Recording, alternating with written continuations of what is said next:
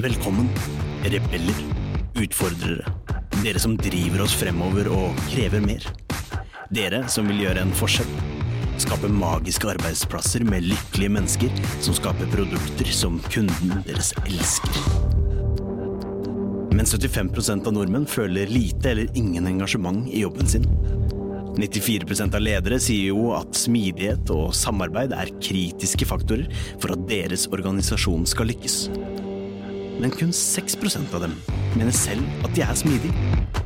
Dette er podden som vil inspirere, gi deg konkrete tips og verktøy som vil hjelpe deg med å skape endringsdyktige organisasjoner med høyt engasjerte og motiverte ansatte som lager uslåelige produkter.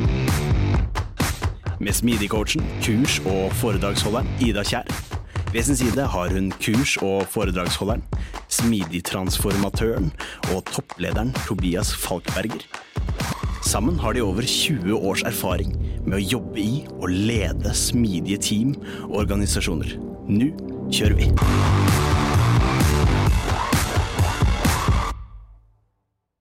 Hei og velkommen til en ny episode av Smidigpodden. Vi er på episode 41. Og i dag så har vi ikke mindre enn tre gjester, varav en gjest er en återkommende gjest. Så det er veldig kult. Vi klarte ikke å skremme bort han første gangen, så han er tilbake. Få se om vi klarer å skremme bort nå, da. Ja, får se. Det blir spennende å se.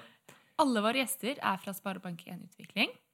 Og det er Marte Slottsveen, Thomas Nygaard og Ringreven, Smiddebodden Ringreven, Vidar Moe. Stemmer. Og i dag så skal vi snakke om inget annet enn det hippa, hypp, hypp, hippige, hippe, hippe. Hippe. OKR-rammeverket, litt målstyring, og hvordan de i Sparebank1 har implementert dette for å få det til litt inn i hverdagen. Eller veldig mye inn i hverdagen, egentlig. Veldig mye inn i For det er jo kanskje et problem som de fleste har, er at de kanskje, hvis man setter noen mål, så blir det fort glemt, ikke gjort noe med, og så fortsetter hverdagen som den alltid har gjort. Og så var Ja. det de der målene, hvordan gikk det med dem? Nei, det har vi glemt. Ja.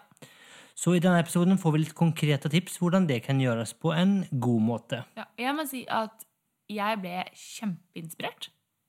Og uh, har bare gått til verks for å teste ut. Oi, det er ikke dårlig. Nei. Så jeg håper denne episoden her inspirerer da, dere som lytter, Det, til å gjøre noe annerledes. Gjøre noe nytt. ja, nei, men kult. Veldig kult. Mm. Så eh, veldig bra. Eh, ellers, Ellers tikker det og går. Det ruller og går. det ruller og går. Bilen, vanen, vanen ruller ennå. Den gjør det, og den begynner, begynner å ta form, så det er gøy. De Veldig gjør det. positivt. Ja, vi ser jo lysen i en, lyset i enden av tunnelen. Sånn heter det. Det heter det. Selv om det til tider er mørkt, si. Ja. Ja. Så, så er det med det. Ellers uh, syns jeg det er eh, Som alltid vi pleier å si, så er det veldig, vi setter veldig pris på at eh, dere tar kontakt. Eh, liker de tingene vi legger ut. eh, sender oss meldinger, kommer med spørsmål, eh, ideer på gjester og andre hyggeligheter. Det er helt fantastisk. Så fortsett med det. Skriv til oss, ta kontakt. Ja.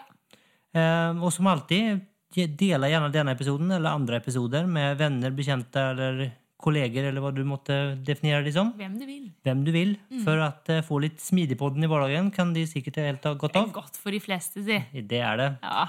Og denne episoden her, den, eh, den tror jeg det er mange som kan ha veldig stor glede av. Så eh, du kan nesten dele den før du har hørt på den. tenker jeg. Det er bare Ja, bare en dele gang. vei. Stopp, paus, ja. og så deler du. Så Ja. kan du høre videre etterpå. Til alle du vil. Ja, kjør på. Og de du ikke vil òg. Fortell.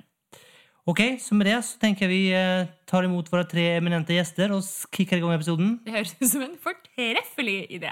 Det gjør vi det. Alright. Vi tar bare en liten sjekk. Hvis uh, snakker jeg, Tobias, hvis du snakker noe, sier noe nå. Tobias prater der. Hører dere meg fint? Ja. Vidar. Ja, er lyden ok? Mm, Marte, kan du si noe? Marte prater, er det greit? Så bra. Supert. Og så Thomas. Eh, hallo, hallo. Supert. All right. Da ser jeg alle. OK. Skal jeg starte, Tobias, eller vil du starte? Kjør i gang, Ida. Velkommen til eh, oss i dag, Thomas, Vidar og Marte. Det er en ny rekord på antall gjester samtidig, tror jeg. Og det er kjempemoro. Dere har jo besøkt oss i dag, og dere jobber i eh, Sparebank1. Vidar, du er jo eh, erfaren i eh, podcast eh, Smidigpodden-gamet. Du har jo vært og besøkt oss før. yes, takk for det. Men, eh, ja, men har dere lyst til å kanskje mm, presentere dere selv litt først? Mm. Skal jeg begynne, da, siden jeg Så hadde Yes. yes. så smått allerede. Ja. Eh. Vidar Mo heter jeg. Um, 15 år eh, som konsulent før jeg starta i eh, Sparebank1 i 2012. Har uh, jobba med utvikling, arkitektur og prosess eh, egentlig hele veien. Eller sånn jevn fordeling på dem, eh, tre, og det, det gjør jeg fortsatt. Så det er veldig gøy. Ja, det er litt om meg. Kjempebra. Bra. Thomas, vil du være nestemann ut? Det kan være Thomas Nygaard heter jeg. Jeg er produkteier i Digitalbank PM i Sparebank1. Eh, Og sammen med 20 andre ekstremt dyktige produkteiere og produktteam, så prøver vi hver dag å jobbe for å skape en enklere og bedre hverdagsøkonomi gjennom våre digitale løsninger for våre kunder. Oh. Det var bra mission statement. Og jeg er Marte Slottsveen. Har jo vært i Sparebank1 Utvikling i tre år nå. Og er da um, teamleder for eh, teamet som Thomas fortalte. Og um, jeg har vært produktsjef og utvikler og har hatt mange forskjellige roller. Jeg trives veldig godt i det skjæringspunktet på en måte mellom eh, teknologi og forretningssiden. Da. Veldig hyggelig å være her. Hyggelig at dere er på besøk. I dag så har vi jo som tema Vi har et veldig spennende tema i dag, som jeg tror veldig mange sliter med. Um, inkludert uh, mitt, ja, mitt eget team har utfordringer med det. Teamene, alle teamene jeg har coachet, har utfordringer med det. Tobias, jeg vet dere jobber med det. Det Og det er Får meg en trommevirvel. Det er målstyring! Så dere kan jo kanskje bare starte litt med å fortelle, ja, fortelle litt om det. Bakteppet og hvorfor dere har begynt å gjøre det dere gjør, og hva gjør dere? Ja. Jeg, kan, ehm, jeg tror litt for vår del så var det en um, Det å gå fra prosjekt til produkt er egentlig en sånn reise litt. her, sant? Gå fra å være liksom milepæl og leveransestyrte til å tenke litt mer på de resultatene vi ønsker å oppnå. Og For oss har det vært en, en reise tror jeg, i flere steg fra å være veldig leveransestyrte til å kanskje ha mer fokus på noen satsingsområder og jobbe litt mer temaorienterte til etter hvert også få et litt sånn ønske og drive både internt i organisasjonen, men også fra våre interessenter og stakeholders et større ønske om å fokusere på hva er det vi egentlig ønsker å oppnå. Hva slags, hva slags verdier er det vi ønsker oss å skape, og hva slags eh, eh, eh, mål ønsker vi oss å strekke forretningen mot. Så for oss så starta dette litt sånn, som en naturlig modenhetsprosess, der vi så at eh, vi måtte gå litt sånn vekk fra den klassiske milepæl- og leveransetankesettet til å si ok, kan vi, kan vi få et metodikk, et rammeverk, som kan hjelpe oss med å jobbe mot mål? Eh, så sånn starta det en litt. eh, både med et, jeg tror et fokus både innad i teamene ønsket å få disse, tingene på plass, men òg eksternt. Så falt jo da valget på, på OKR, Eh, Objectives Key Result, av, uh, av flere årsaker. Kunne du sagt litt hvorfor dere enda opp der? For det er jo, dere er ikke det alene om å si, enda opp der eller se på OKR, så det er litt, spennende å liksom høre litt hvordan dere tenkte, og hvorfor det var det som ble valget. Om det var noe bevisst rundt det. Ja, jeg kan utdype litt, og så har sikkert både Marta Vidar en eh, kommentar. Men jeg tenker, eh, et av de aspektene var kanskje at mer enn bare mål, så tenkte vi et styringsverktøy. Vi tenkte en struktur for å jobbe med mål. Og det følte vi vi fant i OKR-er, mer enn kanskje ordinære KPI-er og andre typer mål, måleverktøy. Så hva OKR er jo mer et tankesett for hvordan du jobber med mål og i, i sykluser. Så har vi jo ganske store ambisjoner, da, Thomas. Vi syns jo altså 10X og altså, at de store selskapene brukte det, tenkte vi at hm, dette her, eh, dette her vil vi også gjøre. Jeg kan skyte inn litt, uh, litt der òg. Det, var jo en sånn Det ble kanskje litt naturlig når det her dukka opp. Altså, det, det, var jo veldig mange Det, det ble plutselig mye hype rundt OKR, selv om det er et rammeverk som jo er, er veldig gammelt, egentlig. Men uh, vi var jo på en reise, uh, som Thomas var inne på, fra det her å flytte oss fra jeg kalte det fra feature-drevne til outcome-drevne team. da. Um, det, det, har vi holdt med noen år, og, og det her, her ble vel um, som vi kaller det, aktualisert hos oss uh, mye gjennom Lean startup-metodikk. egentlig Der var det mange som fikk mye energi da, når, uh, når den kom i gang. Og, og det ga oss også praktisk erfaring både med business model canvas og også ikke minst hypotesedrevet utvikling. Så det her var liksom ting som vi hadde begynt med uh, og, og jobba med en god stund. Um, og da ja, OKR har passa bra da, inn, inn, i det rammeverket eller de, de tankesettene som det her har begynt å, begynt å gi til oss. da. Mm. Jeg kjenner meg veldig igjen i det. at det er liksom og det, det krever en viss modighetsgrad, kanskje, og liksom en viss bevissthet rundt det. Så Det er liksom interessant å tenke at, det, at OKR er såpass gammelt. Da, for at jeg ser bare på Riks-TV nå, så, så er vi ganske godt i gang, og jeg tror det, det, vi ser at det finnes mye potensial, og det, det, passer oss ganske godt. Men det hadde ikke nok vært riktig for oss å sette på det for jeg vet ikke, fem år siden eller en mindre ti år siden. Det hadde ikke vært en sjanse, liksom.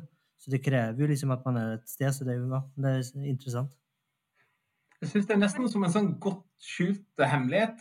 Når, når vi begynte å se på dette tilbake liksom i slutten av 2018 og begynnelsen av 2019, så husker jeg var på en, en større uh, uh, tech- og uh, innovasjonskonferanse. Og helt bort liksom, i det ene hjørnet av en sånn bitte liten platåscene der det satt kanskje ti mann, der sto det ekstremt dyktige jenter og snakket om OKR-er. Vi var sikkert 15 mann rundt det, det bordet. jeg satt liksom, men det her er jo kjempespennende. Men så, så det var liksom en så sjukt liten bit av hele miljøet. Så husker jeg vi kom tilbake til Eh, til, eh, til Sparebank1 rett over jul og sagt liksom, det, vet hva, jeg, jeg tror jeg har fått tak i noe som jeg syns virker veldig spennende, som jeg tror kanskje kunne funka for oss. Og så tror jeg både Marte og Kristoffer eh, Berg, som ikke, som ikke, er med oss akkurat nå, sa liksom sånn det er ikke OKR du tenker på. Så det var en sånn simultan eh, opplevelse der flere hadde fått med seg og, sett at vet OKR har noe ved seg som vi har behov for. Men, men, jeg opplevde på det tidspunktet at det var, sånn, det var en hemmelighet nesten i bransjen. Jeg husker Vi også spurte oss litt rundt det noe som har kjennskap og erfaringer med OKR. Og det var, lite, det var lite folk å trekke på som kunne hjelpe oss med en sånn oppstart.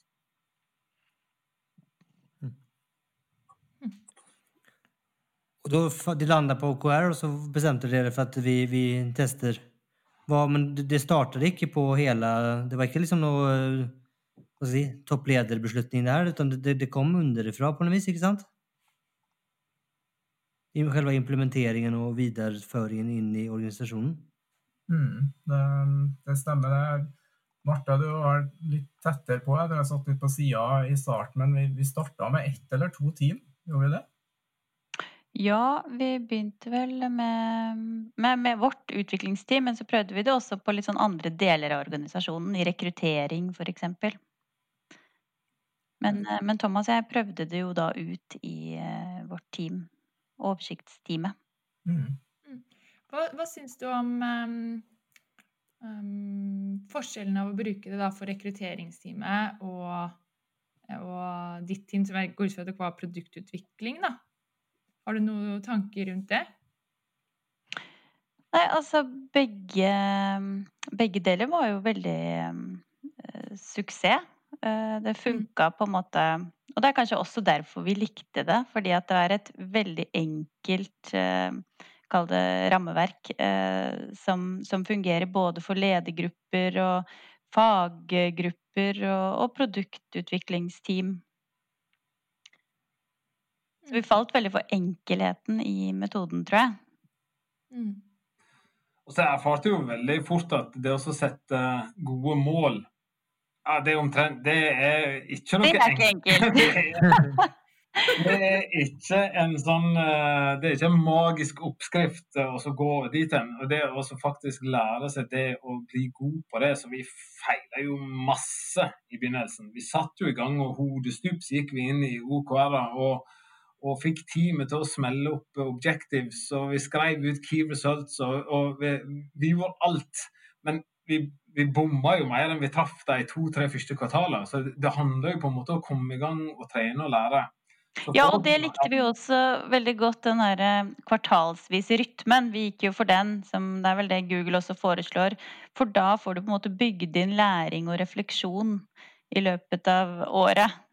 Så vi, vi, vi var veldig tro mot det derre å sette karakter. Det gjorde vi hver gang, selv om vi bomma.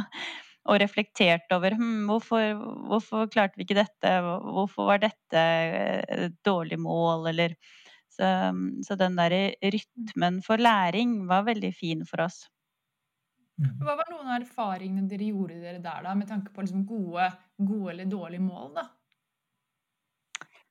Det verste var kanskje ofte at vi hadde for mange eh, OKR-er, eller for mange key results.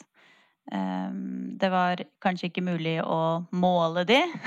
det gikk jo ofte langt ut i kvartalet før vi hadde klart å få status på en del av de key resultsene.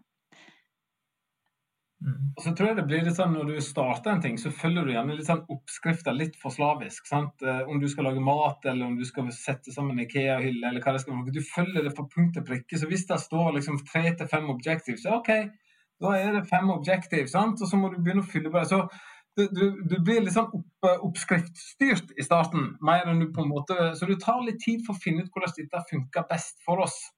Um, så det var en veldig nyttig, eh, nyttig læring. Og så tror jeg alle kjente litt på den der eh, at sant, Vi snakket om 10X, sant, og det skulle være tigangen, det skulle være ambisiøst, det skulle være visjonært, inspirerende. Objektivene skulle på en måte være denne ledestjerna. Og da var det tungt å skrive et objektiv som på en måte feila på det potensialet. Da. Liksom den der, det, det å være den visjonære, eh, engasjerende lederen, det, det, det, kommer ikke rett ut av bukselomma. Det, var noe du faktisk var nødt til å bli god på sammen med teamet. Det å skrive disse objektivene som dro og ble den nordstjerna vi trengte. Ja, det, det blir jo også Det blir det jo fortsatt. Det blir en del også sånne binære, sånn ja eller nei, null eller én uh, key results. Eh, Men vi har vel også sett at kanskje det er greit, fordi det gir, eh, det gir jo et veldig sånn fokus da, gjennom eh, kvartalet. Så mm, Ja, det, det der med det, med det fokuset, det, det var vel det som gjorde at vi Sjøl om vi feila og bomma og gikk litt hit og dit de, de første halve året, kanskje, at vi følte at det tross alt ga oss noe. At, at på tross av det faktisk hjalp oss å, å fokusere. Så jeg liksom tenkte litt på at OKR at det, er et, eh, det kan kanskje kalle et rammeverk som hjelper deg til å si nei. Og det ja, det handler vel så mye om det du ikke skal drive med. Det, Det er det mange som trenger hjelp til. mm, det er noe som, som jeg føler at det, det hjelper litt til. Det gir bedre fokus. Mm. Men eh, för det, jag tänker tillbaka på min egen erfaring så är det ju det som jeg ser at vi tenderer til å gjøre, og det høres kanskje litt ut som at dere gjorde det i starten nå, det er at man, man vil så mye, og så vet man at man skal begrense seg. Så da tenderer man till liksom slå ting sammen og liksom patche på ting allikevel. Da, så at, det gikk det litt i den fella òg, at det var liksom at eh, ehm, du fikk OKR som kanskje var egentlig inneholdt flere ting, men liksom litt finurligt formulert, sånn at du klarte å få inn litt mye i samme, liksom, og likevel klarte det etter boken begrensa deg. Ja, det er, det er litt der, og det er som vi snakka om at vi hadde Kanskje vi hadde for mange key results. Kanskje vi hadde key results som eh, ja, hvor du, hvor du får til noe bra i ene enden, og så, så får det noen uante konsekvenser i andre enden. Det her med at en må kanskje prøve å balansere de her key litt, sånn at du optimaliserer for helheten. Ja, det var, ja, det var masse, masse å jobbe med. vi- gjorde oss de erfaringene, så jeg vi noen andre erfaringer. Det var at um, plutselig så var jo liksom Du kunne nesten ikke gjøre noe. Alt måtte jo være et strekkmål.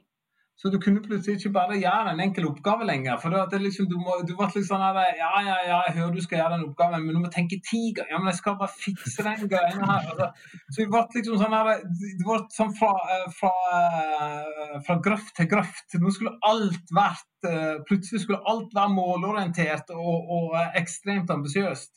Så, så, så der sleit vi òg litt i starten med, med innføringen av eh, OKR. At eh, vi, vi dro det kanskje for ekstremt. Og sånn blir det gjerne i begynnelsen, tror jeg. For du følger, Mm. som sagt, du følger oppskriftene hele veien. Um, så um, vi så det at vi lærte litt i den tidlige fasen der i forhold til at uh, her er det mange ting som er riktige for oss, men vi ser at det er en del ting også vi må finne ut og gjøre til vårt eget. Det er veldig interessant det du sier der, Thomas. fordi jeg hadde, vi hadde en eh, faktisk OKR-workshop i dag med, med coach-teamet. Og da hadde vår leder, Torbjørn, hadde liksom preppa, og så fikk alle vanligvis også får, Det blir så stort, som du sier, da. Men det han hadde gjort da, for å liksom bringe det her litt ned på jorda, da, var at vi fikk alle lov til å velge ett internt mål for teamet, ett eksternt mål og ett annet mål, som man kalte det. Som kunne være hva som helst. da. Og så fikk vi bare én lapp per, da. Så vi fikk jo bare lov til å skrive ned én ting som vi ville oppnå. Og da tenkte vi vi tenkte da neste seks månedene, da. Fordi siden coaching er såpass langsiktig, da. Um, og det hjalp oss veldig med å, å forenkle det og få det litt ned på jorden. Uh, samtidig som at vi måtte tenke ganske mye gjennom. ok, Hvis det er én ting jeg har lyst til å oppnå på seks måneder, hva er det? Mm. Um, så det var faktisk en ganske fin måte å liksom jobbe seg gjennom det her på. Mm. Ja, vi vi driver jo dottvåte i de her eh, OKR-workshopene våre, så det er ubehagelig få eh, dotter du får uh, utdelt. Det, det, det, ja, jeg, jeg føler ene forslag i dag Jeg fikk bare én dott, og det var min egen. Jeg ble skuffa. Bare her er en skikkelig bra objektiv. Det var ingen som det. Men, men, det med, med, at dere hadde dem som strekkemål, det er litt spennende, for, for det er jo liksom, hva skal jeg si, ikke så um typisk skandinavisk kultur. Vi er jo litt mer sånn eh, lagom eh, litt jantelov, hvor man skal ikke eh, hvor, liksom, Hvordan fungerte det sånn rent kulturmessig? Hvordan ble det tatt imot? Eh, liksom, for det er jo et amerikansk rammeverk og bærer jo preg av amerikansk kultur, som kanskje ikke nødvendigvis passer som hand i hansken inn i et mer skandinavisk måte å tenke på. Hvordan var det, liksom? Unnskyld at jeg forstyrrer deg midt i denne superspennende episoden, men jeg må bare fortelle deg noe. Forresten, det er meg, Arvid, fra introen. Er du en som ønsker å utfordre, drive oss fremover og kreve mer? Gjøre en forskjell og skape magiske arbeidsplasser? Men du bare vet ikke helt hvordan. Da har jeg noe som kan hjelpe deg. Tobias og Ida har laget et kurs Kurset gir deg forståelsen og den smidige tilnærmingen du trenger for å tenke nytt om de organisatoriske byggeklossene, strategi, mennesker, prosess, struktur og teknologi. Lenke til kurset finner du i episodebeskrivelsen. Som hand i hansken inn i et mer skandinavisk måte å tenke på. Hvordan var det, liksom? Det syns jeg fungerte veldig bra, da. For det, det, vi så, var jo at um, teamet ofte Teamet likte det og syntes ofte at det var veldig gøy, og utfordret gjerne Thomas eh, mer enn han eh, hadde foreslått, tror jeg. Altså når du får den der litt sånn forhandlingen mellom team og produkteier, så syns jeg ofte det var teamet som liksom snakket målene opp. Jeg tror jeg appellerte veldig til teamet. Det å jobbe med strekkmål, på en måte det å utfordre seg og, så, og virkelig gjøre, utgjøre en forskjell. Så Det er kanskje det som var litt mer sånn krevende. at På veldig mange av disse områdene så hadde vi, vi hadde ingen erfaring. Vi, altså, på veldig mye, så vi hadde ikke noe baseline eller noe best practice å lene oss på. Så eh, når vi skulle sette oss ambisiøse, hva er et strekkmål når du ikke vet hva du kan forvente? Så da blir det alltid i starten litt sånn her Er det her et strekk, eller er det her et strekk? Og da hadde vi en veldig fin øvelse der vi, der vi Når vi satt disse målene, og hva de skulle være, så skrev alle ned det de trodde på en lapp. Hva tror du vi kan strekke oss til? Og så skrev alle det ned på en lapp, og så snudde vi lappene. og Så tok vi en kjapp uh, spørrerunde og spurte den som hadde vært mest ambisiøs, hvorfor er du så optimistisk? Hvorfor lykkes vi med det her? Og så spurte vi tilsvarende den som hadde det laveste målet, og spurte hvorfor er du så skeptisk til at vi eh, kan nå det målet. Og så fikk vi en god diskusjon om de, hvorfor vi trodde at vi kunne lykkes, og eventuelle begrensningene med, med, som vi òg måtte ha med oss inn i den diskusjonen. Så Det var en utrolig spennende dynamisk diskusjon. Det å lande på disse første key-resultene. Eh, og igjen, da, som med alt annet i starten her, så bomma vi jo grovt på, på det òg. Men det hjalp oss også å tenke litt i forhold til å sette gode keywords. En god metode.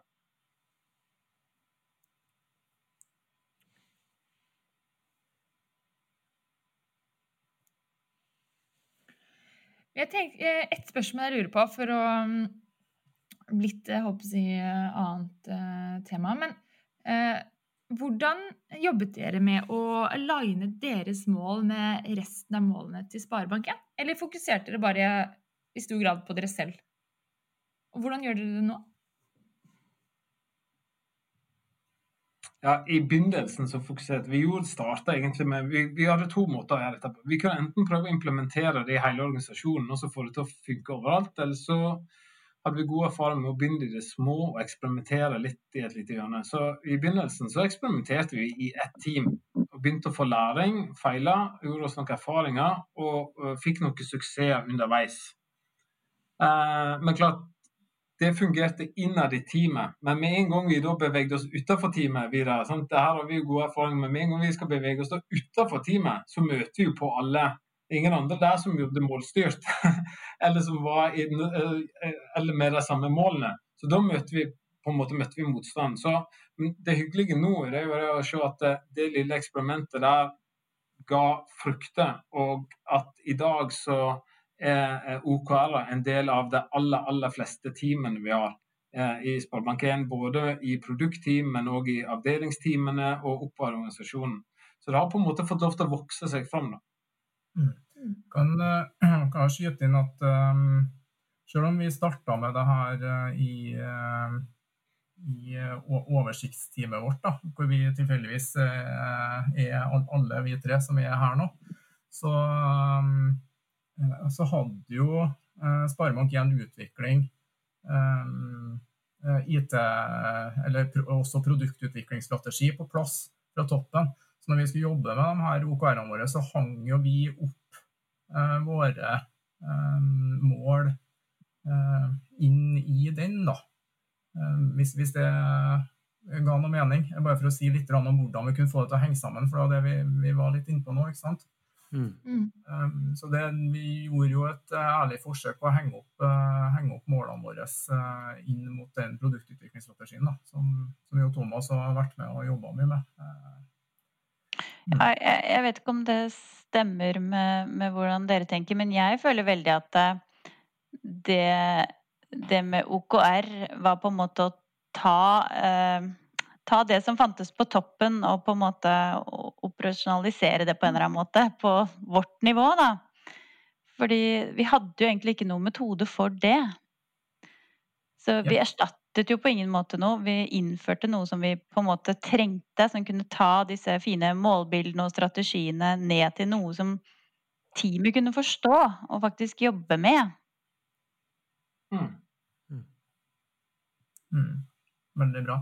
Det der, jeg noterte meg rundt, eh, noe rundt det her med, med det her uh, mantraet fra, fra, Daniel Pink uh, rundt uh, hva som motiverer kunnskapsarbeidere. rundt motivasjon, mestring og ja, hva ble det siste? Purpose. Purpose, ja. ja. Uh, og den her purpose-biten føler jeg akkurat det du sa.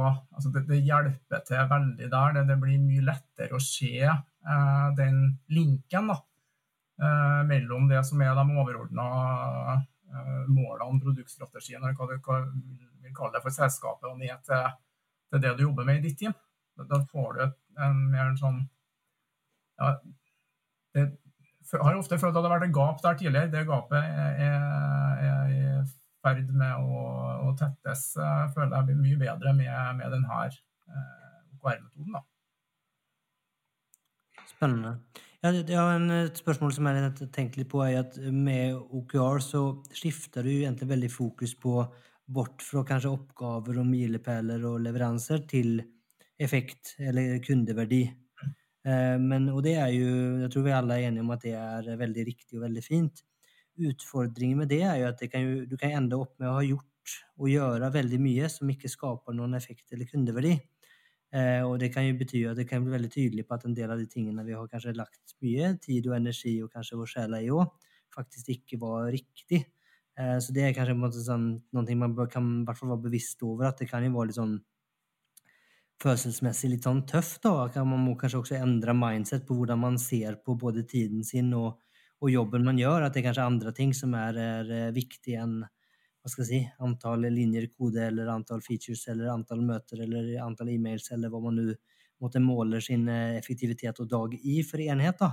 Har dere noen opplevelse liksom, rundt det eh, mindset-skiftet og kanskje den hva skal jeg si, eh, litt sånn røffa virkelighets... eh, eller hva skal jeg kalle det? Ja, jeg begynte å tenke litt på det, det vi snakka om innledningsvis, om at vi allerede hadde har vært på en reise noen år over mot hypotesedrevet utvikling og, og, fokus på outcome. Og, og som du nevnte også, altså hvis vi ikke hadde hatt eh, den hva skal vi kalle det, oppvarminga eh, i et par-tre år rundt det her, at vi faktisk har trent oss på det, så hadde jo sannsynligvis dette her eh, sett da, Kanskje vi ikke har fått til det i det hele tatt. Mm. Ja, så vil jeg, jeg vil slå et slag igjen for den der rytmen og den derre refleksjonen som er bygd inn i, inn i metodikken, da, hvor i hvert fall vi som følger det kvartalsvis, eh, har flere sjekkpunkter hvor vi tar oss veldig god tid til å snakke om hvorfor vi eventuelt lykkes. Er vi på rett vei? Trenger vi å justere litt på målene våre? Trenger vi å eh, heve baren, eller trenger vi kanskje å senke den? Altså den, den eh, innebygde læringen og tiden til refleksjon uh, har jeg veldig sansen for, i hvert fall. Mm. Og så tror jeg kanskje noe litt sånn akkurat den overgangen der du går fra tydelige oppgaver, der det er en, en slags uh, en, en, tanke om at nå vet vi hva som blir gjort, til å på en måte bli målstyrt der vi, der vi er litt mer sånn Ja, vi er usikre på hva vi skal gjøre, men vi har noen veldig tydelige mål og ambisjoner som vi skal jobbe mot så tror jeg kanskje både i den overgangsfasen der du innfører en sånn metodikk, men òg gjerne på sikt at du er nødt til å finne en balansegang mellom det å være veldig tydelig på de målene du skal oppnå, men samtidig kunne klare å kommunisere til omverdenen hva slags hypoteser du har tenkt å ta tak i. Sånn at du får en balanse mellom mål og de tingene du tror du skal løse i kvartalet. Sånn at du alle stakeholders og alle interessenter, alle produktteam jobber jo i den konteksten. Så det å være tydelig på at her er målene våre, og her er hvordan vi tror at vi skal angripe dem i kvartal én. Så du får et litt mer jeg kaller det gjerne et smidig veikart, der du på en måte ikke nødvendigvis har veldig fokus på leveransene, men mer hypotesene som du skal utforske. Og på den måten så kan du kanskje ta vekk litt av den der smerten, smertefulle overgangen med at du klarer å lage en bro mellom det her å vite nøyaktig hva som skjer, til å på en måte få en sånn ja, dette er de tingene vi skal angripe, og her er målene vi skal oppnå. Veldig spennende. Så må jeg bare få si en ting, for det, det er et eller annet med okara som er så ekstremt smittsomt. Det tok jo ikke lang tid før eh, jeg og Martha hadde personlige OKR-er. Jeg hadde OKR-tavle for familien min. Jeg satt og sjekka ut eh, sånn, uh, ungene på, på, på, Objectives og Key results i forhold til treningsoppnåelse og etc. Så du, du, blir dratt inn i en sånn sfære der alt blir nesten et strekkmål, og alt skal være ambisiøst. Så, så ja, det, det, det, er smittsomt, og det merket vi både på privaten, tror jeg, også, men òg i organisasjonen. At det flere tid tok til bruk, men det, det spredde seg. Ja, men eh, jeg har den tavla på veggen ennå. Veldig artig å se. Kanskje tatt opp for smidig på den, Tobias. Ja, eh, fint det. Jeg begynte å tenke på, på den her eh, vi har, vi har, en felles demo hvor vi normalt sett presenterer funksjonalitet vi har laget for hverandre av de forskjellige teamene hver 14. dag. I, starten av, av, de her kvartalene så har vi eh, typisk en, en, av de demoene dedikert til å gå gjennom eh, de målene som hvert enkelt team har satt seg, og se litt på de key resultene. Altså det er litt mer sånn praktisk hvordan vi gjør det, som Thomas eh, forklarte i stad. Mm. Tar, tar en gjennomgang der. Mm. Ja.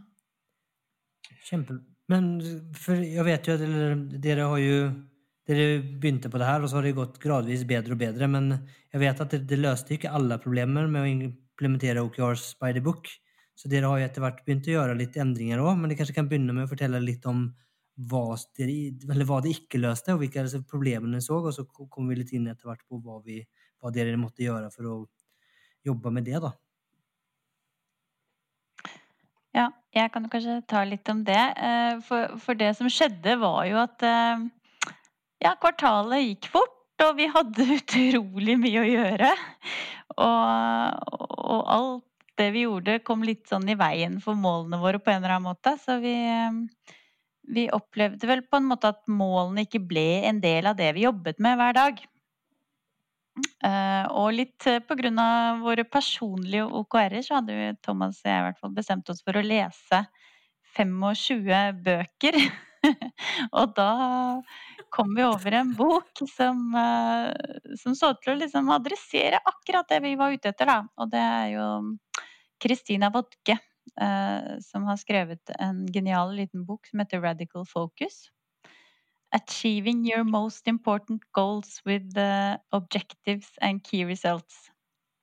Og den tenkte vi der Det snakka litt til oss, den tittelen der, da. Og den uh, var jo vist seg å bare være Ja, jeg syns at det er den viktigste boken jeg har lest i min uh, karriere. Um, for den, den, angriper liksom akkurat det, da. Og hun um, jeg merker, jeg syns det er litt vanskelig å forklare den. Jeg sliter til og med når jeg har en, um, en powerpoint. Eh, men, men, men hun, hun, tegner egentlig opp en helt genial måte å sette opp en tavle på, eller et team dashboard, da, hvis man kan kalle det det. Og så introduserer hun to møter på en måte for å, for å følge opp. Så Og den øh, ja, det viktigste den introduserer, er jo kanskje dette Monday commitment-møtet. Hvor du begynner å gå gjennom Altså alle har vel hatt tavlemøter hvor man er veldig sånn oppgavefokusert, og alle forteller hva de har gjort og hva de skal gjøre. Men den her tar eh, veldig utgangspunkt i målene. Du, du begynner på en måte med å gå gjennom OKR og setter commitments for uka. Så plutselig så må teamet på en måte committe seg til hverandre. Hva skal vi gjøre den uka her for å jobbe mot målene våre? Mm. Så det endret helt dynamikken i de møtene. Det ble ikke, mer, det ble ikke rapporteringsmøte eller, eller sånn uh, fortelle hva man skal gjøre, bare. Det ble liksom veldig fokus på målene, da. Og så var det også et sånn Friday Wins-møte, som uh, på en måte rammet inn uken litt, og hvor man på en måte feirer det eh, man har fått til denne uka, da. Og det der var eh, veldig forløsende for oss. Eh, og, og, også dette med helsemålinger, da. Thomas, kanskje du kan ta den? Ja, jeg tenker Det som den tavlen, det som gjorde det så bra, det var at vi fikk det ble en ekstremt sterk kobling mellom målene våre for kvartalet og det vi skulle til enhver tid gjøre. Det fantes nesten ikke oppgave som ikke var kobla til målet lenger. Så vi, vi, Den tavla hjelper oss å snu opp ned på egentlig hele uh, den problemstillingen vi satt i, der vi gjorde masse ting som egentlig ikke nødvendigvis var kobla til målet. til Det fantes ikke uh, noe annet enn målene i seg sjøl. For jeg, jeg, har i hvert fall, Min erfaring med statusmøte er liksom en, en langtekkelig rekke med Er det noe nytt på det punktet her? Nei, det er ingenting nytt på det punktet her. Da går vi videre til nestemann. Er det noe nytt status på det punktet her? Nei, her er det ingen ny status. Istedenfor å rapportere på der vi er til hva er det vi faktisk gjør den uka. Altså det som jeg likte veldig godt fra et sånn produkt, eh, eh, produktperspektiv og produktlederperspektiv, det er at eh, disse møtene starter med det var 15 minutter du stilte opp, hele teamet var der. Hva gjør vi denne uka? her? Og Det er ikke en produktleder da, som står foran den tavla og teamet og delegerer ut tiltak og oppgaver til, til, teamet. Det er teamet som forteller hva de har tenkt å gjøre for å løse oppgaven. For å nå målet. Og Det, det også snur du fullstendig opp ned på den klassiske liksom, hvem er det som hvordan løser vi oppgaven på en god måte. Så, så det var eh, ekstremt eh, for, Du får en enorm kraft da, når det teamet på en måte sier det der målet der, da kan jeg gjøre det her. Den, eh, så, så, disse møtene var en eh, åpenbaring i forhold til det her eh, ekstreme fokus på mål. Og så hjalp det oss å rydde opp i det som vi snakket om, at alt er jo ikke et strekkmål. Det er jo ikke sånn at noen ting er knytta til bare en helse, ting oppå det og fungerer sånn som det skal. Jeg tror her er kanskje en sånn idrettsanalogi uh, nærliggende. at hvis jeg som sportsutøver kan, jeg kan gjerne strekke meg mot å nå et ekstremt mål, om det er et VM-gull eller verdensrekord osv. Men for å kunne strekke meg, så må jeg først og fremst være frisk. Kroppen må fungere, helsa må være i orden osv. Og, og det der er ekstremt viktig å ivareta en produktdimensjon. Du kan ikke være 200% frisk. Enten så er du frisk, eller så er du ikke. Det er noen andre metodikker der. Så det at vi fikk på en måte opp den tavla som viste at her er målene våre, her er det vi gjør denne uka her for oss å nå de målene, men samtidig her er de målingene vi er nødt til å være obs på. De kan ikke være røde, de må være grønne. Og hvis de er røde, så er vi nødt til å ta tak i dem. Så vi fikk rydda vekk litt det her at alt er ikke et strekkmål, men av og til på en måte må du sørge for å ivareta helsa. Og helsa i den sammenhengen her, det er jo teamet fungerer sånn som det skal, at vi har eh, leverer eh, eh, kode på en god måte. At ja, alle aspektene rundt det å fungerer godt som et team. Men man må se det der eh, bildet for å forstå dette her. Det for det er en genial eh, liten ja, måte å tegne opp tavla på, da som eh, det, Boken er jo bare en liten fortelling egentlig om et teselskap. Eh, et selskap som skal starte å selge te. Eh, Gründerselskap. Eh, og så er det en, eh, en, som bare tegner opp det her på en serviett, mer eller mindre. Eh, så, men, men, den må dere bare gå og søke opp. Radical Focus. Det skal vi gjøre. Så kan vi sikkert finne et, et bilde av den, og så legger vi det inn i beskrivelsen. Ja. Det inn en liten historie rundt, eh, rundt de her første Monday commitmentene eh, som vi dro i gang. For de var altså en så stor forbedring fra alle statusmøter, standuper og alt vi har hatt tidligere, at selve Monday commitment-møtet det fikk en haug med plusslapper på den første retroen som vi hadde etter at vi begynte med det her. Og at et fast møte har fått noe annet enn negative lapper på en retro, det har jo aldri skjedd før i historien. Så det her, her eh, sprang opp og tok et bilde av den her plussen med de lappene rundt. Så den, eh, det, det, bildet har vi fortsatt, for det, det var bare helt uh, vilt, faktisk. Ja, da kunne ikke jeg tro mine egne øyne når en utvikler Vidar postet jo på LinkedIn uh, dette her, og det var jo helt uh, et, et, statusmøte utviklere faktisk liker. yes. Men jeg har lyst til å utforske dette her litt mer, fordi um, jeg tror det er veldig mange som sliter med OKR-er. Og faktisk alle setter de opp, alle syns det er superfancy, og så bare ja, ligger det litt i skuffen fram til du skal ta det opp igjen. Så det her er jo en kjempefin måte for folk å faktisk eh, få nytte av det. Så eh, hvis dere kan fortelle litt mer om liksom, hvordan dere praktisk gjennomfører det, angriper dere det på key result-nivå? Går dere på objectives-nivå? Altså, hvordan er det dere mm, tenker i et sånt uh, møte? Jeg kan jo starte litt, eh, Marte, så kan du ta over. Men um, objektivet ligger der over oss som en nordstjerne. Mm. Men det er klart det er key resultene som er utgangspunktet for de aktivitetene. her. Det er de målene vi må prøve å bevege. Så de aktivitetene som kommer opp i det, det møtet, er meint å påvirke dem. Flytte flytte den yardsticken eh, eh, og komme oss nærmere objektivet. Og så er jo sånn er jo altså for oss en indikator på at vi er på rett vei. Uh, men det har vi òg erfart, at det, du kan nå alle key-resultene dine uten at objektivet flytter på. Så du gjør all slags mulige læringer. Men det, men det, det er som er utgangspunktet for aktiviteten på tavla. Mm. Ja, for det er kanskje en, si, en viktig poeng er jo altså, du har jo to lag av hypoteser her. Først har du en hypotese at den oppgaven du gjør, skal bevege den eh, key-resulten, og så har du en hypotese til at den key-resulten faktisk eh, gjør at du kommer nærmere den objektiven. Og det vet jeg ikke om alle er nødvendigvis er helt klar over. at det, si, det er mye på veien her som, som, som må treffe for at du skal treffe riktig etter hvert. Mm.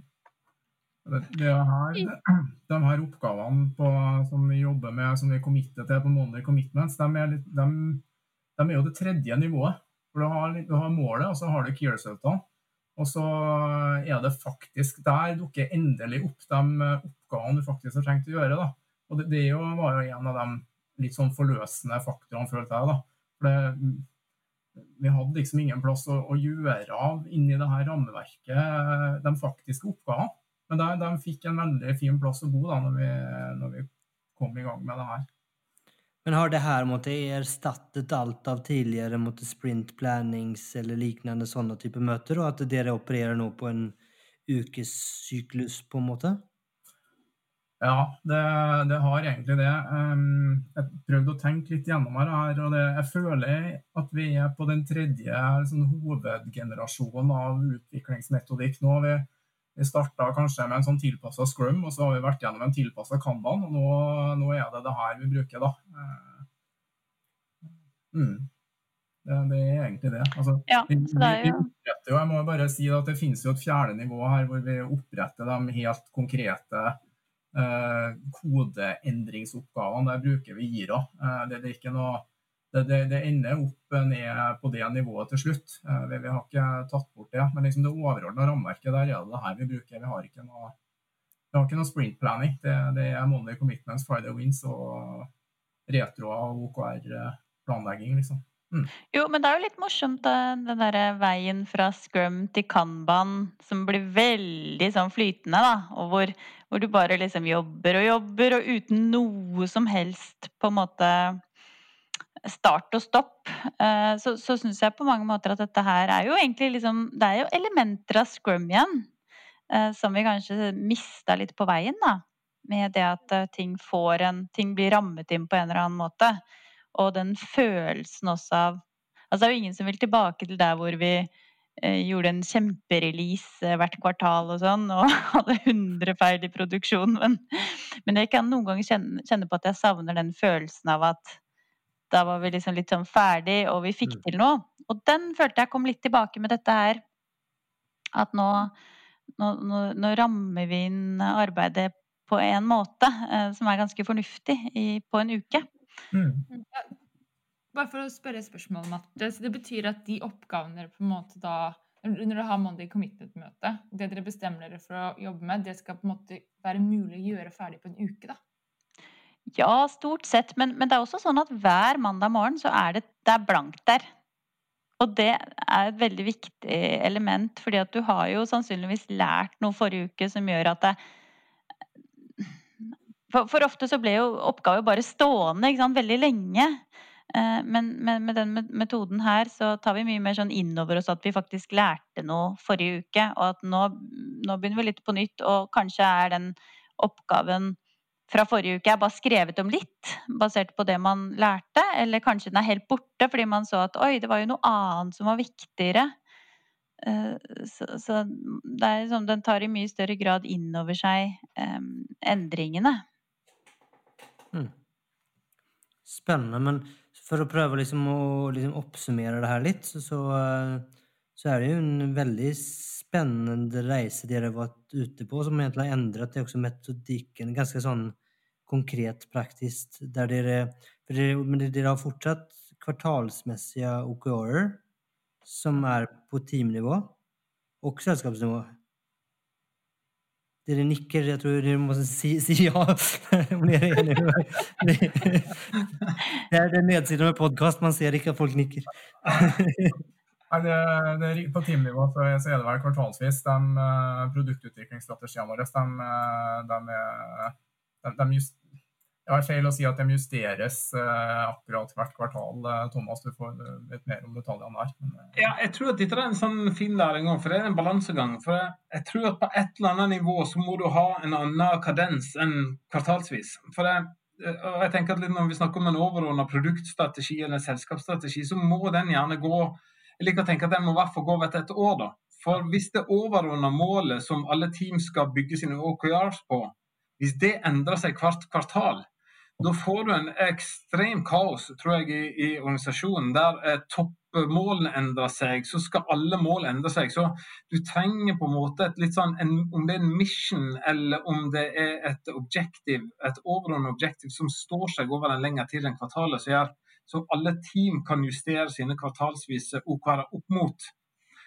Så på et eller annet nivå så trenger du en, en, en, noe som er litt mer fast over litt lengre tid om det er en strategi som er ett til tre år, eller du trenger, eh, du trenger, en, du trenger et fast holdepunkt som du kan uh, lage kvartalsvise rytmer på.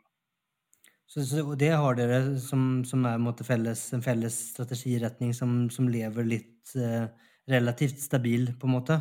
Ja. Og så, er det, kvart, så er det kvartalsvis OKR-er per team på, på det? Og de, med de OKR-ene, har de danna selv, eller får de liksom Hvordan fungerer det?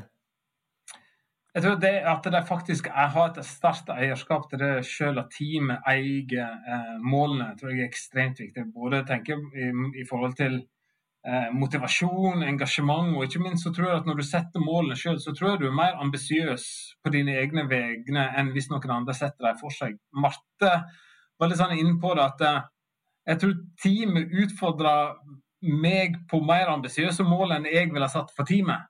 Det, det, er noe i, den me uh, mekanismen der som jeg tror er veldig verdifullt. Uh, så det er litt, ja.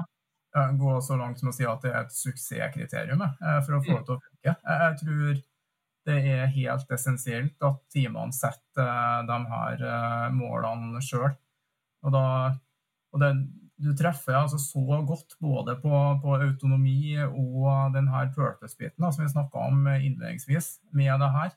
Det, det, du får fram en, en kraft da, som jeg tror det er veldig krevende å skape uh, hvis du lar være, eller hvis du bare gir noen målene her, jobb med det her. liksom. Men klart, over teammålet så vil det jo være forretningsmessige KPI-er. Om det er vekst, kjøn eller, eh, eller nye kunder. Det, og, men det er jo basert på de forretningsmessige målene teamet kan da danne sin virkelighet og danne sine strekkmål og sine objectives, som til slutt da skal påvirke disse her overordna målene. Mm. Og så vet jeg Marte arresterer meg alltid på det her og blir sikkert litt provosert. Men, men, det er liksom sånn i det vi, i det vi, i det vi på en måte gikk over til den målstyringen, den Monday Commitment, så var det liksom sånn voff, så forsvant egentlig backloggen. Det, det, det, var ingen som satt lenger og, og, og, og pussa på ei liste med oppgaver som, som vi flytta litt opp i kolonnene osv. Eh, for du, ble så ekstremt fokus på hva er det vi egentlig skal oppnå, og hva gjør vi her og nå for å flytte på det målet. Så det å ha ei skuffe full av tenkte oppgaver og tiltak Uh, og nå setter jeg det på spissen, og det er derfor Marte blir provosert. Men, men, men, i praksis var det sånn, jeg husker Før så hadde vi sånn backlog grooming-møte. Der vi satt ned og så løfta vi fram den lista, og så kjælte vi litt med den, og så flytta vi litt på ting, og så var vi ferdige. Sant? Det tok en time. Vi har ikke den slags type møter lenger. Vi har fremdeles gode diskusjoner rundt riktige aktiviteter og tiltak. Men hvis, men det er sånn, hvis de ikke er aktuelle å løse innenfor inneværende kvartal, så, så, er det nesten sånn så sitter ikke vi og tar vare på det i tilfelle de skal dukke opp som et godt uh, initiativ litt lenger ned i veien. Mm. Nei, Det er et godt poeng, det. altså. Men Jeg vet ikke om det kom helt tydelig nok frem i sted, men jeg tenker det er veldig veldig viktig det der som hun Kristina Vodko også introduserte, da, eh, det, disse helsemålingene som er enten røde eller grønne. Det er jo der man kanskje på en måte ivaretar den ja, kundeopplevelsene som du har ansvar for. For vi er jo team som har ansvar på en måte fra vugge til grav over et eller annet domene. Eh, og så, så, der er det på en måte Du må ta vare på alt det du har ansvar for. Både sånn kundeopplevelsen, og at, at teamet har det bra, og at eh, koden har god kvalitet. Og, og, og hvis det lyser rødt der, så vil vi også ha Monday Commitments-aktiviteter på en måte som adresserer det, da. Mm. Så, så, og det, det, der var veldig viktig også for teamet. Det å kunne skille målene og strekkmålene fra det å bare ta vare på det vi har ansvaret for. Som vi bruker sikkert 50% av tiden vår på forvaltning, egentlig, da. Mm. Det, der, det, er jo, det der er jo noe som som det viser det utrolige fokuset du kan oppnå da, med denne OKR-metoden. For, for, det er jo faktisk sånn at vi har Det har blitt et sånt ekstremt fokus på de her overordna målene og key-resultene eh, som vi har satt oss. At, eh, at, vi har vært nødt til å ta oss sjøl i nakken for ikke å bli for fokusert, da, eh, rett og slett. Altså, ja. For å, å, ta vare på det som Marte, Marte prata om nå, det eh, kan være noe så enkelt som å, å få på plass eh, noen nye versjoner av noen bibliotek vi bruker, eh, f.eks. Altså de oppgavene der. Eh, for at de faktisk skal bli gjort, så ser vi at det er utrolig viktig å også ta dem inn i varmen ja, i Monday Commitments, da, som, som Marte nevnte nå. Hmm. Mm. Det er jo et begrep som sier du bør ikke løpe av deg skoene. Og det er jo litt det her med at du må balansere. Det er å strekke deg mot et mål men samtidig ikke gå så fort fram da, at du må gå fra det du har bygd, og, og, og strekke deg så langt at du blir strekket for tynt. Så det er den balansen mellom det å strekke seg samtidig som du holder helsen både på produkt og team og på, på prosess, ekstremt viktig. Mm. mm. Kjempebra. Med de veldig kloke ordene der så tenker jeg kanskje vi eh, runder av og hopper inn på de fem siste spørsmålene om jeg ikke får noen sterke protester. Er du enig, i det? Jeg er enig. Kjempebra. Jeg skulle avslutte på samme måte å si med de kloke ordene der, så Kjempebra. Yes. Så hva ville du fortalt 20 år gamle deg da, Thomas? Så kan du få se om du kan eh, følge opp med noen nye kloke ord.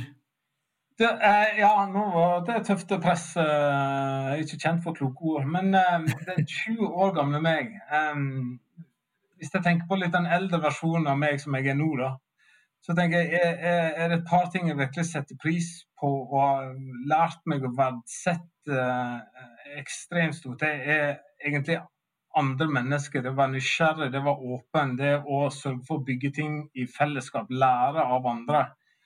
Um, uh, den verdien har bare blitt sterkere og sterkere for meg i mine eldre dager. Um, min 20 år gamle versjon Eh, han visste nok litt best sjøl. Eh, han tror jeg var litt mer eksperttypen uh, som hadde kontroll og vett på alt. Så hvis jeg skulle gjette et råd da, til, til 20 år gamle meg, så ville det vært noe i den retningen om å åpne opp og lære og være nysgjerrig og, og engasjert og, og, og, oppmerksom. Problemet gjerne med en sånn eh, sånn tilnærming er at 20 eh, år eh, gamle meg hadde jo aldri hørt på 45 år gamle meg. Eh, for det strider jo Så det er en catch 22 i den læresetningen der. Eh, men, men, men, ja, eh, jeg hadde prøvd å nå fram til akkurat det perspektivet. Kult. Så bra. Ok, og så er jo uh, neste spørsmål Det kan jo gå til, til, deg, Marte, hvis du har lyst. Eh, eller så kan du sende ja. ballen videre. Er, hva mener du kjennetegner en god leder? Ja, det vil jeg svare på. Det er gøy. Uh, jeg tenker at en god leder får frem det beste i folk. Uh, har en sånn ordentlig indre tro på at folk har lyst til, og evner også å gjøre en god jobb hvis vi gir dem de riktige rammebetingelsene og mm, coacher de egentlig der hvor de trengs å coaches. Veldig bra. Så jeg kan jo bare skyte inn at Vidar har jo svart på disse fem spørsmålene en gang før. Så er det noen som er veldig nysgjerrig på, på hva Vidar har å si, så går det mulig å grave fram en av de gamle episodene der. Så det er bare et lite tips om på sida. Takk skal du ha. Syns jeg jo Vidar bør svare på neste spørsmål. Ja, jeg tenkte kanskje alle kunne få svare litt på neste. Da, for ja. spørsmålet er jo hva vil dere gitt som tips eh, til de som ønsker å etablere en mer eh, smidig kultur? Ja, så kan jo kanskje alle komme med noen golden nuggets. Ja, Vidar? Jeg der, for det, uh, det var vel faktisk det eneste jeg ikke svarte på sist, så det passer bra. Da kan jeg prøve å svare på det. Supert! ja. Uh, nei, da Det her blir jo uh, det, det, er jo et utrolig stort spørsmål, så vi får bare begynne i en ende. Jeg noterte meg å få tak i noen som har gjort det før. det tror jeg ville ha begynt med. Finn noen som, som, har erfaring med det her. Og så tror jeg det er viktig å begynne enkelt. Prøv å finne en del av organisasjonen, eller et initiativ, som kan passe til kanskje å kjøre en pilot. Og, og, hva kan det være, da? Ja, en hypotese der vil, uh, vil, være at det kan være lurt å finne et team med en oppgave som kan løses mest mulig i teamet. Um, for å gjøre det så enkelt som mulig. Prøv å finne, finne et område i organisasjonen hvor, hvor, du klarer å, å, få, å, få, gjennomført en pilot uten for mye avhengighet av det. Og det siste jeg har notert meg, var at eh, om mulig få en sponsor i ledelsen. Det er alltid fint å ha. Gode tips. Veldig gode, konkrete tips. Thomas eller Marte, har dere noe dere vil tilføye? Ja, jeg, jeg brenner jo litt for også dette her med som, som vi sliter litt med å, å ha et godt norsk uttrykk for, kanskje, men det som Google kalte psykologisk trygghet, da. Jeg tror det er eh, veldig viktig å prøve å skape et klima hvor folk har lave skuldre, og hvor de tør å være seg selv, og hvor det er greit å, å foreslå noe som er litt utenfor boksen, og ja, skape et trygt læringsmiljø. Veldig bra. Veldig viktig. Ja, hvis jeg skal si noe på toppen av alle disse her eh, kloke visdomsbegrepene, så tenker jeg at jeg liker å se på nesten sånn at vi driver Kanskje dette her er litt, drar det litt langt, men jeg liker å tenke at vi driver organisasjonsutvikling nesten på samme måte som vi driver produktutvikling. Det å tørre egentlig å tenke stort og starte smått og eksperimentere med ting som kan funke, og få læring, og så skape noen suksesshistorier ganske tidlig. Og så litt sånn som videre sier, Luftstøtte er aldri feil. Men, uh, men det, å, det, å, begynne å eksperimentere og tørre, egentlig Og det tror jeg igjen lener seg på det som Marte sier. Har du tillit og trygghet i et team, så tror jeg terskelen for å eksperimentere og utforske er mye større. Jeg husker når vi, når vi starta med Monday Commitment, så for det gikk varmt i tekstmeldingene eh, når vi leste den boka, og vi var liksom Det her må vi gjøre. Og, og mandagen etter så sto vi der eh, sju om morgenen og tegna opp den tavla på, eh, på, eh, på veggen eh, og møtte teamet. liksom, Det her skal vi gjøre i dag. Nå skal vi prøve det her. Så det å rett og slett tørre eh, eh, å, å, teste ut og, og, og, lære, ikke være så redd for å feile. Så, mm. Spennende. er bra. Eh, vi har vært inne på temaet litt eh, og snakka om Radical Focus, men har dere noen andre bøker eller podkast dere ønsker å anbefale? Kan være på tema, trenger ikke være på tema. Ja, det må jo være Marty Kagan, da. Inspired og empowered eh, burde jo alle som driver med produktutvikling, lese. Blitt eh, tipset om de før, så det er eh, gode tips. Fantastiske. Og Marty Kagan har jo også jeg tror han, jeg har ikke kommet så langt i Empowered ennå, men jeg syns jeg hørte at han drar frem hun Kristina Wodke som en, en lederprofil i den boken. Jeg tror jeg vil gjerne slå et slag for um, ei, kanskje en bok som jeg føler går litt under radaren, men som har gitt meg ekstremt mye. Og det er boka 'Trillion Dollar Coach', som handler om, um, om Bill Campbell, som uh, har vel fått uh, gjerne nickname uh, the, Coach of Silicon Valley.